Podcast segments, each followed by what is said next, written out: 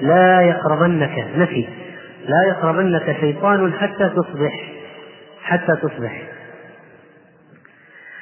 الفائدة الرابعة والعشرون كرامة الله تعالى لأبي هريرة عندما استطاع أن يلقي القبض على الشيطان.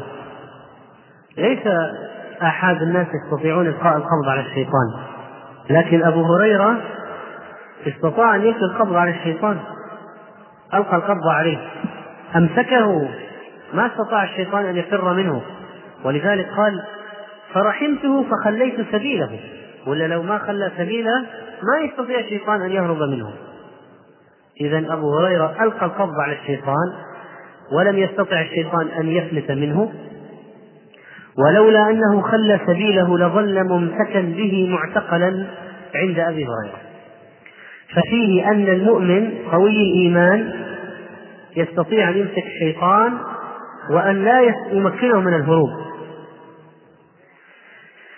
وذكر ابن القيم رحمه الله في فوائد الذكر أنه ربما يعني من كثرة ذكر المؤمن لله عز وجل كثرة ذكر لله عز وجل كثرة ذكر المؤمن لله عز وجل ربما اقترب منه الشيطان ليمسه بسوء فيصرع الشيطان فيصرع فتتجمع عليه الشياطين فيقولون ما به؟ فيقولون صرعه الانسي وهو العكس. لا الانسي هو الذي صرعه. حاول أن يمسه بشيء فانقلب الشيطان مصعوقا. فإذا الأذكار هذه هي الحماية القوية للمؤمن. وهذه الفائدة السادسة والعشرون أن ذكر الله تعالى هو الذي يحمي المؤمن من الشيطان. وذكر الله على رأسه القرآن وعلى رأس القرآن وأفضل آية في القرآن ما هي؟ آية الكرسي. آية الكرسي. ولا يزال عليك لن يزال عليك من الله حافظ. لن يزال عليك من الله حافظ.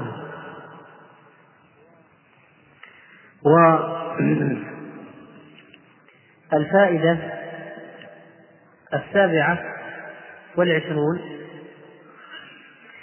أن الإنسان إذا كان صاحب حاجة فإنه يبين حاجته حتى يعرف عذره ولا يرتاب في أمره أو لا يشك فيه يبين حاجته. وكذلك الفائدة التاسعة والعشرون رفع شأن رفع الشأن المهم إلى العلماء. فإن هذا فإن أبا هريرة رضي الله عنه قال لأرفعنك إلى رسول الله صلى الله عليه وسلم. لأرفعنك إلى رسول الله صلى الله عليه وسلم. الفائدة الثلاثون حرص أبي هريرة على العلم. حرص أبي هريرة على تعلم الخير والعلم. لما في المرة الثالثة لماذا أطلقت الشيطان؟ لأنه قال قال الراوي يقول وكانوا أحرص شيء على الخير. يعني الصحابة حريصين. أبو هريرة أطلقه أطلق سراحه لأجل أن مقابل إيش؟ فائدة. الفائدة والعلم. وهذا يبين حرص أبي هريرة على العلم. كان حرصه عليه بالغا. أبو هريرة حرصه على العلم بالغ. ولذلك أطلق الشيطان مع أنه الآن قد ثبت عليه بالجرم المشهود للمرة الثالثة كذاب جاء يسرق لكن لما صار مسألة فيها علم وفائدة أطرقه من أجل الفائدة. هذا يبين كيف كانوا يحرصون على الفوائد. يحرصون على العلم. وكذلك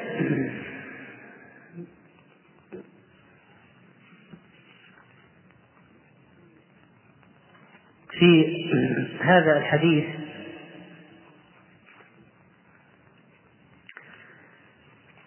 يمكن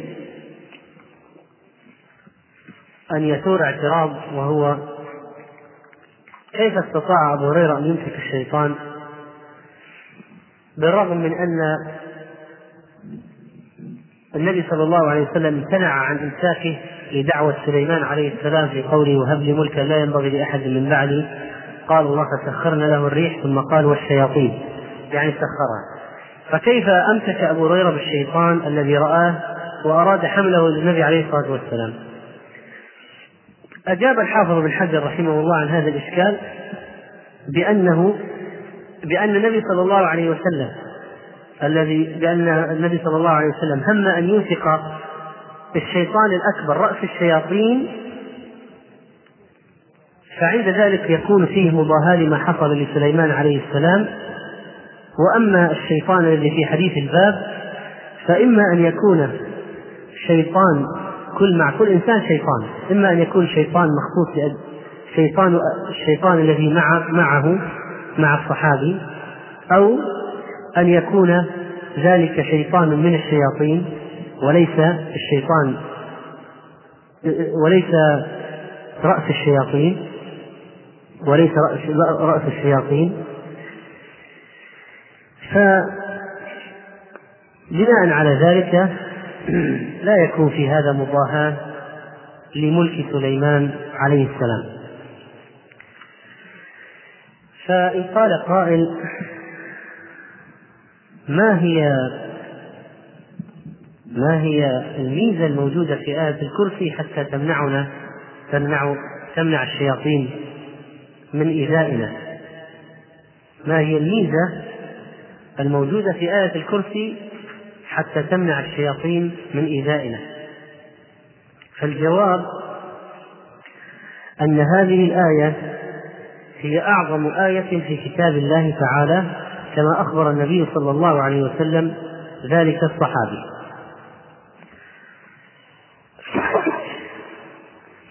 وأن هذه الآية إذا قرأها رجل في دبر كل صلاة يعني بعد كل صلاة لم يمنعه من دخول الجنة إلى أن يموت إلا أن يموت كما قال النبي صلى الله عليه وسلم في الحديث الصحيح الذي رواه النسائي رحمه الله وغيره. فآية الكرسي إذن تقرأ قبل النوم وتقرأ آية الكرسي كذلك في أدبار الصلوات. في أدبار الصلوات. وهي أفضل آية في كتاب الله عز وجل. أفضل آية في كتاب الله عز وجل. من أسباب فضلها اشتمالها على الاسم الأعظم؟ الله لا إله إلا هو الحي القيوم. في البقرة وآل عمران وطه. الله لا إله إلا هو الحي القيوم. ألف ميم. الله لا إله إلا هو الحي القيوم. وعنت الوجوه الحي القيوم على بعض. على بعض الأقوال. اشتماله على الاسم الأعظم. وكذلك فإن هذه الآية هي عشر جمل مستقلة. الله لا إله إلا هو متفرد بالألوهية. الحي القيوم الحي الحي في نفسه الذي لا يموت أبدا. ما معنى القيوم؟ القيم لغيره. أفمن هو قائم على كل نفس بما كسبت؟ ومن آياته أن تقوم السماء والأرض بأمره. كل واحد من الناس كل الموجودات لا قوام لها إلا بالله عز وجل. ولا غنى لها عن الله عز وجل أبدا. فكل الموجودات فكل الموجودات مفتقرة إلى الله. الله لا إله إلا هو اثنين الحي القيوم ثلاثة لا تأخذه سنة ولا نوم. ما يعتريه سبحانه لا غفلة ولا ذهول ولا نعاس. ولا نوم استغراق في النوم وغياب عن الوعي أبدا. له ما في السماوات وما في الأرض. له ما في السماوات وما في الأرض. الجميع عبيده وتحت قهره وفي ملكه. إن كل من في السماوات والأرض إلا آتي الرحمن عبدا العبارة التي بعدها من ذا الذي يشفع عنده إلا بإذنه. لا يتجاسر أحد أن يشفع لأحد عند الله إلا إذا أذن الله. ولذلك النبي عليه الصلاة والسلام لكي يأذن بالحساب لكي يشفع لابد أن يستأذن. وإذا أراد أن يستأذن إذا يوم القيامة يستأذن يأتي تحت العرش ويخر ساجدا فيدعه الله ما شاء أن يدعه ويعلمه من محامد يفتح عليه من الثناء أشياء لم يعلمها أحد يعلمه إياها. بعدما يقولها والناس ينتظرون النتيجة ويسجد ما تحت العرش ما شاء الله يسجد من الوقت بعد ذلك يقول يا محمد ارفع رأسك وسل تعطى. واشفع تشفع فهذا سيد الخلق لا يمكن أن يشفع إلا إذا أذن الله. العبارة التي بعدها في الآية يعلم ما بين أيديهم وما خلفهم إحاطته سبحانه وتعالى بجميع الكائنات وإحاطته بالماضي والحاضر والمستقبل. والجن من الغيب والله سبحانه وتعالى يحيط بهم ويعلمهم يعلم ما بين أيديهم وما خلفهم. ولا يحيطون بشيء من علمه إلا بما شاء ولا يطلع على علم الله أحد. ولا يطلع على شيء من علم الله إلا أحد أطلعه الله. ولولا أنه أطلعهم ما اطلعوا ولا عرفوا. وسع كرسيه السماوات والأرض. الكرسي موضع قدمي الرب سبحانه وتعالى. والعرش لا يقدر قدره إلا الله. الكرسي الكرسي عظيم جدا في غاية الاتساع وسع كرسيه السماوات والأرض. هذا الكرسي كيف العرش؟ وسع كرسيه السماوات والأرض. لو أن السماوات السبع والأراضين السبع بسطت ووصل بعضها ببعض. ما كانت في الكرسي إلا كح... مثل الحلقة في صحراء من الأرض. والسماوات هذه السبع والأراضين لو بسطت ووصل بعضها ببعض مساحة تطلع بالنسبة للكرسي مثل الحلقة ألقيت في صحراء من الأرض. صحراء. هذا الكرسي هو موضع قدمي الرب فكيف العرش؟ العرش العظيم. ما الكرسي في العرش إلا كحلقة من حديد ألقيت بين ظهراني ثلاث في الأرض. الحين نسبة كل السماوات السبع والأرض إلى الكرسي مثل حلقة في صحراء. والكرسي نسبته إلى العرش الكرسي نسبته إلى العرش أيضا مثل حلقة في صحراء. والله أكبر من العرش. أكيد مية في المية. الله أكبر من العرش. وعند وهذا يعطيك معنى طعم معين لما تقول الله أكبر. الله أكبر. أكبر من كل شيء. إذا هذا الكرسي السماوات والأرض تضيع في الكرسي. تضيع. تضيع لا شيء. والكرسي يضيع في العرش بالنسبة للحجم ولا شيء. والله أكبر من الكرسي ومن العرش ومن السماوات ومن الأرض. استوى على العرش استواء يليق بجلاله وعظمته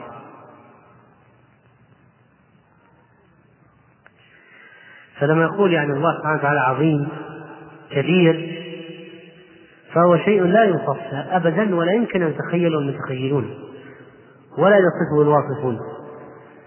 لأنك أنت نحن الآن في في الأبعاد الفلكية هذه عقولنا تضيع. ما نستطيع أن نجمع المسافات هذه السنوات الضوئية. هذه كلها كلها يعني في إيش؟ ولا شيء بالنسبة لله سبحانه وتعالى. بالنسبة للكرسي والعرش لا شيء.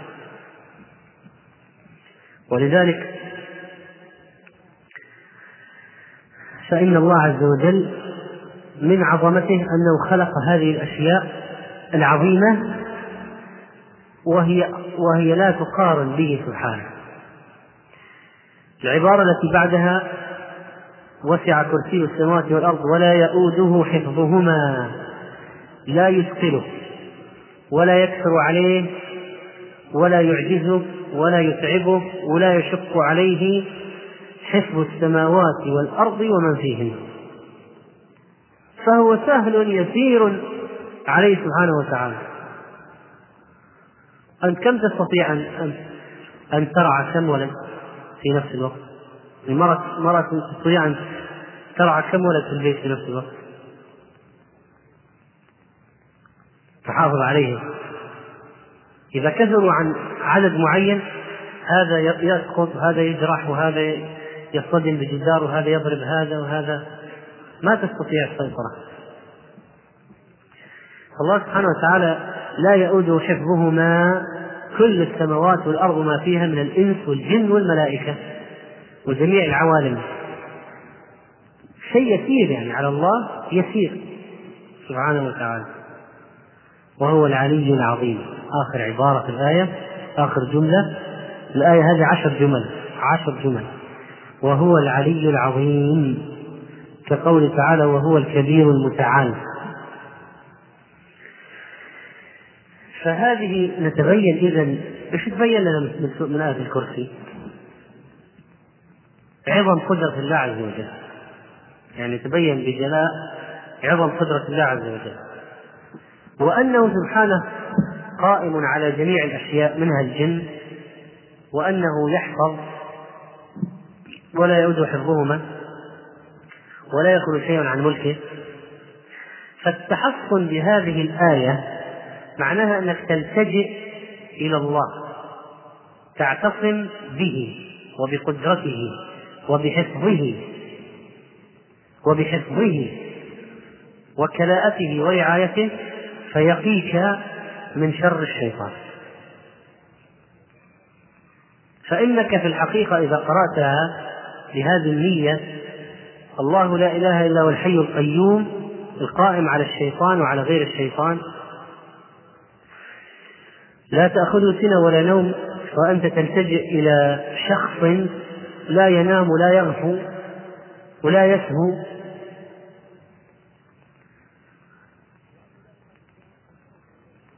وأن له ما في السماوات وفي الأرض وأن الجن هؤلاء الشياطين لا يخرجون عن ملكه ولا عن ولا عن قدرته.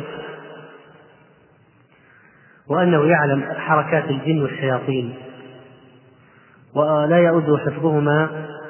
وما فيهما وهو العلي العظيم. فأنت في الحقيقة تعتصم بالله بقدرة الله بعظمة الله فلذلك ينجي ينجيك هذا الاعتصام ويحفظك بالتأكيد إذا كنت به مؤمنا وعلى الله متوكلا فإنه ينجيك من الشيطان ولا بد. والمسألة مسألة يقين وتوكل. الحفظ من الشياطين تعتمد على قضية اليقين والتوكل. فإن قال قائل ما هي الوسائل التي نستطيع أن نحذر بها من الشيطان؟ فالجواب أنها كثيرة. فمن ذلك أسلحة المؤمن في حربه مع الشيطان الحذر والحيطة. أخذ التأهب أخذ التأهب. وكذلك الاعتصام والالتزام بالكتاب والسنة وكذلك الالتجاء إلى الله والاحتماء به سبحانه وتعالى وقل رب أعوذ بك من همزات الشياطين وأعوذ بك رب أن يحضرون. الاستعاذة عند دخول الخلاء الاستعاذة عند الغضب الاستعاذة عند الجماع اللهم جنبنا الشيطان وجنب الشيطان ما رزقتنا. عند الغضب أعوذ بالله من الشيطان الرجيم. اللهم إني أعوذ بك من الشيطان الرجيم. عند دخول الخلاء اللهم إني أعوذ بك من الخبث والخبائث. إذا نهق الحمار تعوذ بالله من الشيطان الرجيم. لماذا؟ لأنه رأى شيطانا.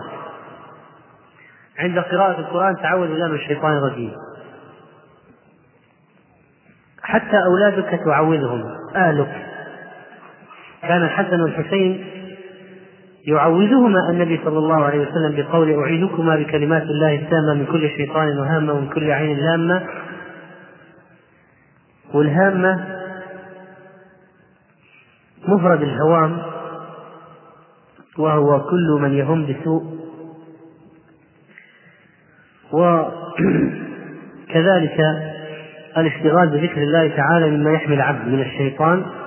وعلى رأس ذكر القرآن وعلى رأس القرآن آية الكرسي.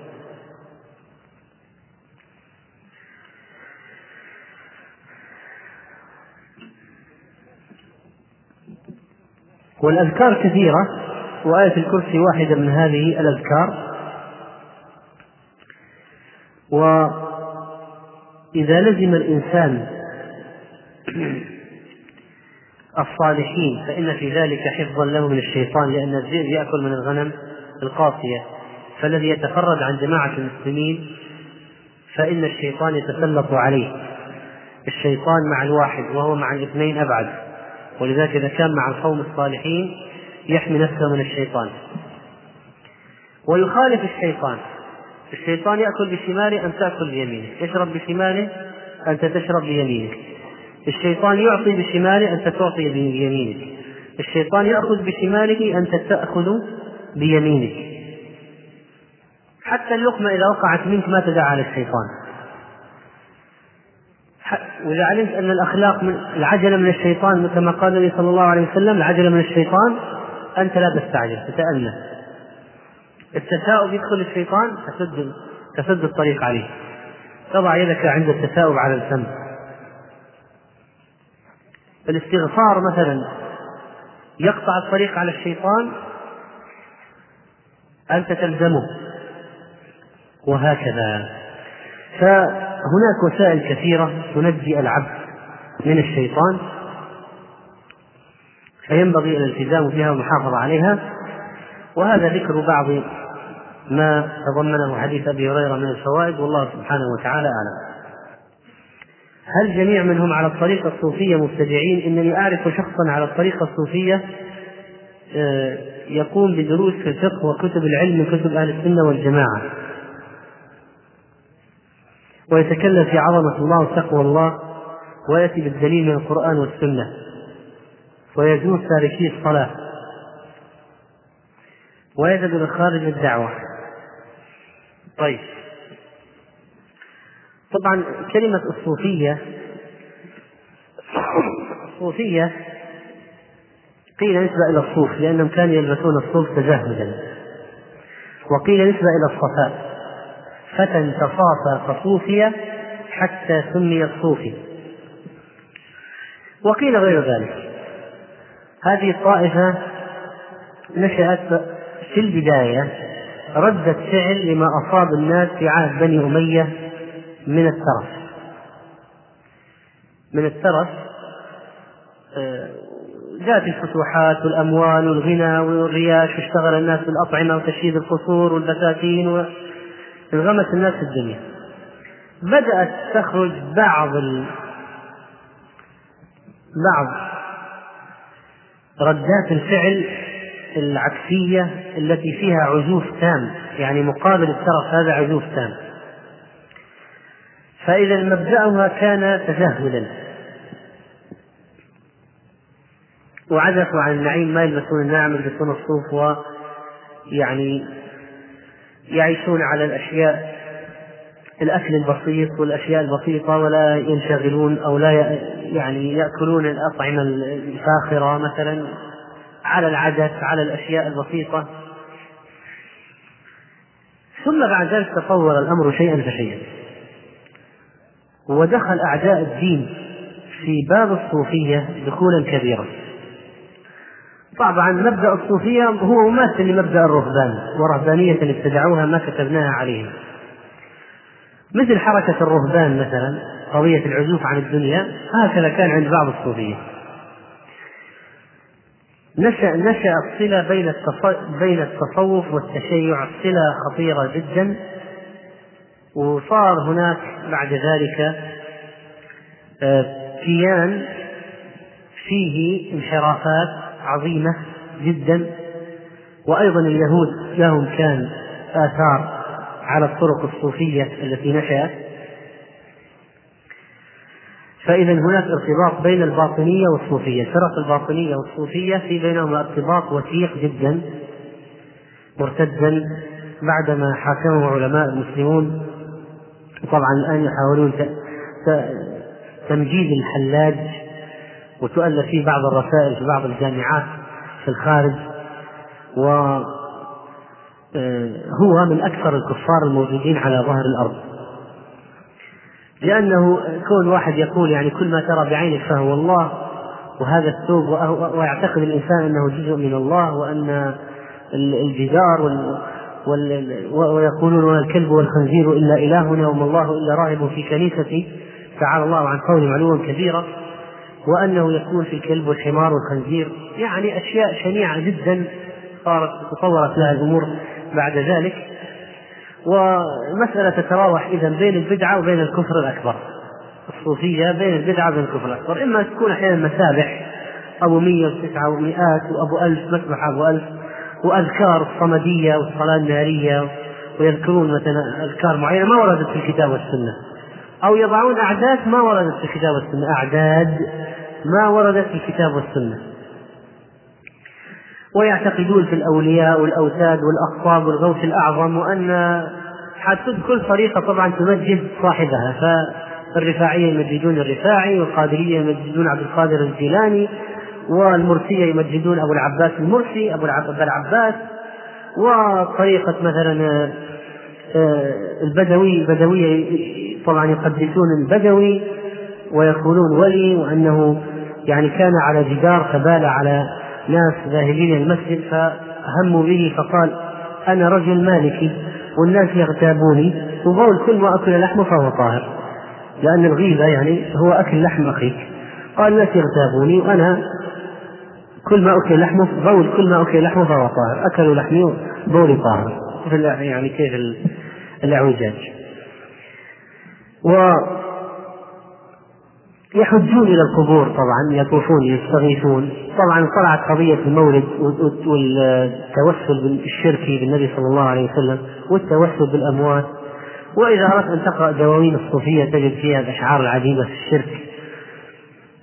فإن من جودك الدنيا وضرتها ومن علومك علم اللوح والقلم إن لم تكن في المعاد آخذا بيدي وإلا فقل يا زلة القدم. يعني صار التوسل بالنبي عليه الصلاة والسلام ويستغيثون النبي عليه الصلاة والسلام إني دعوتك من نيابة من, من وين دعوتك؟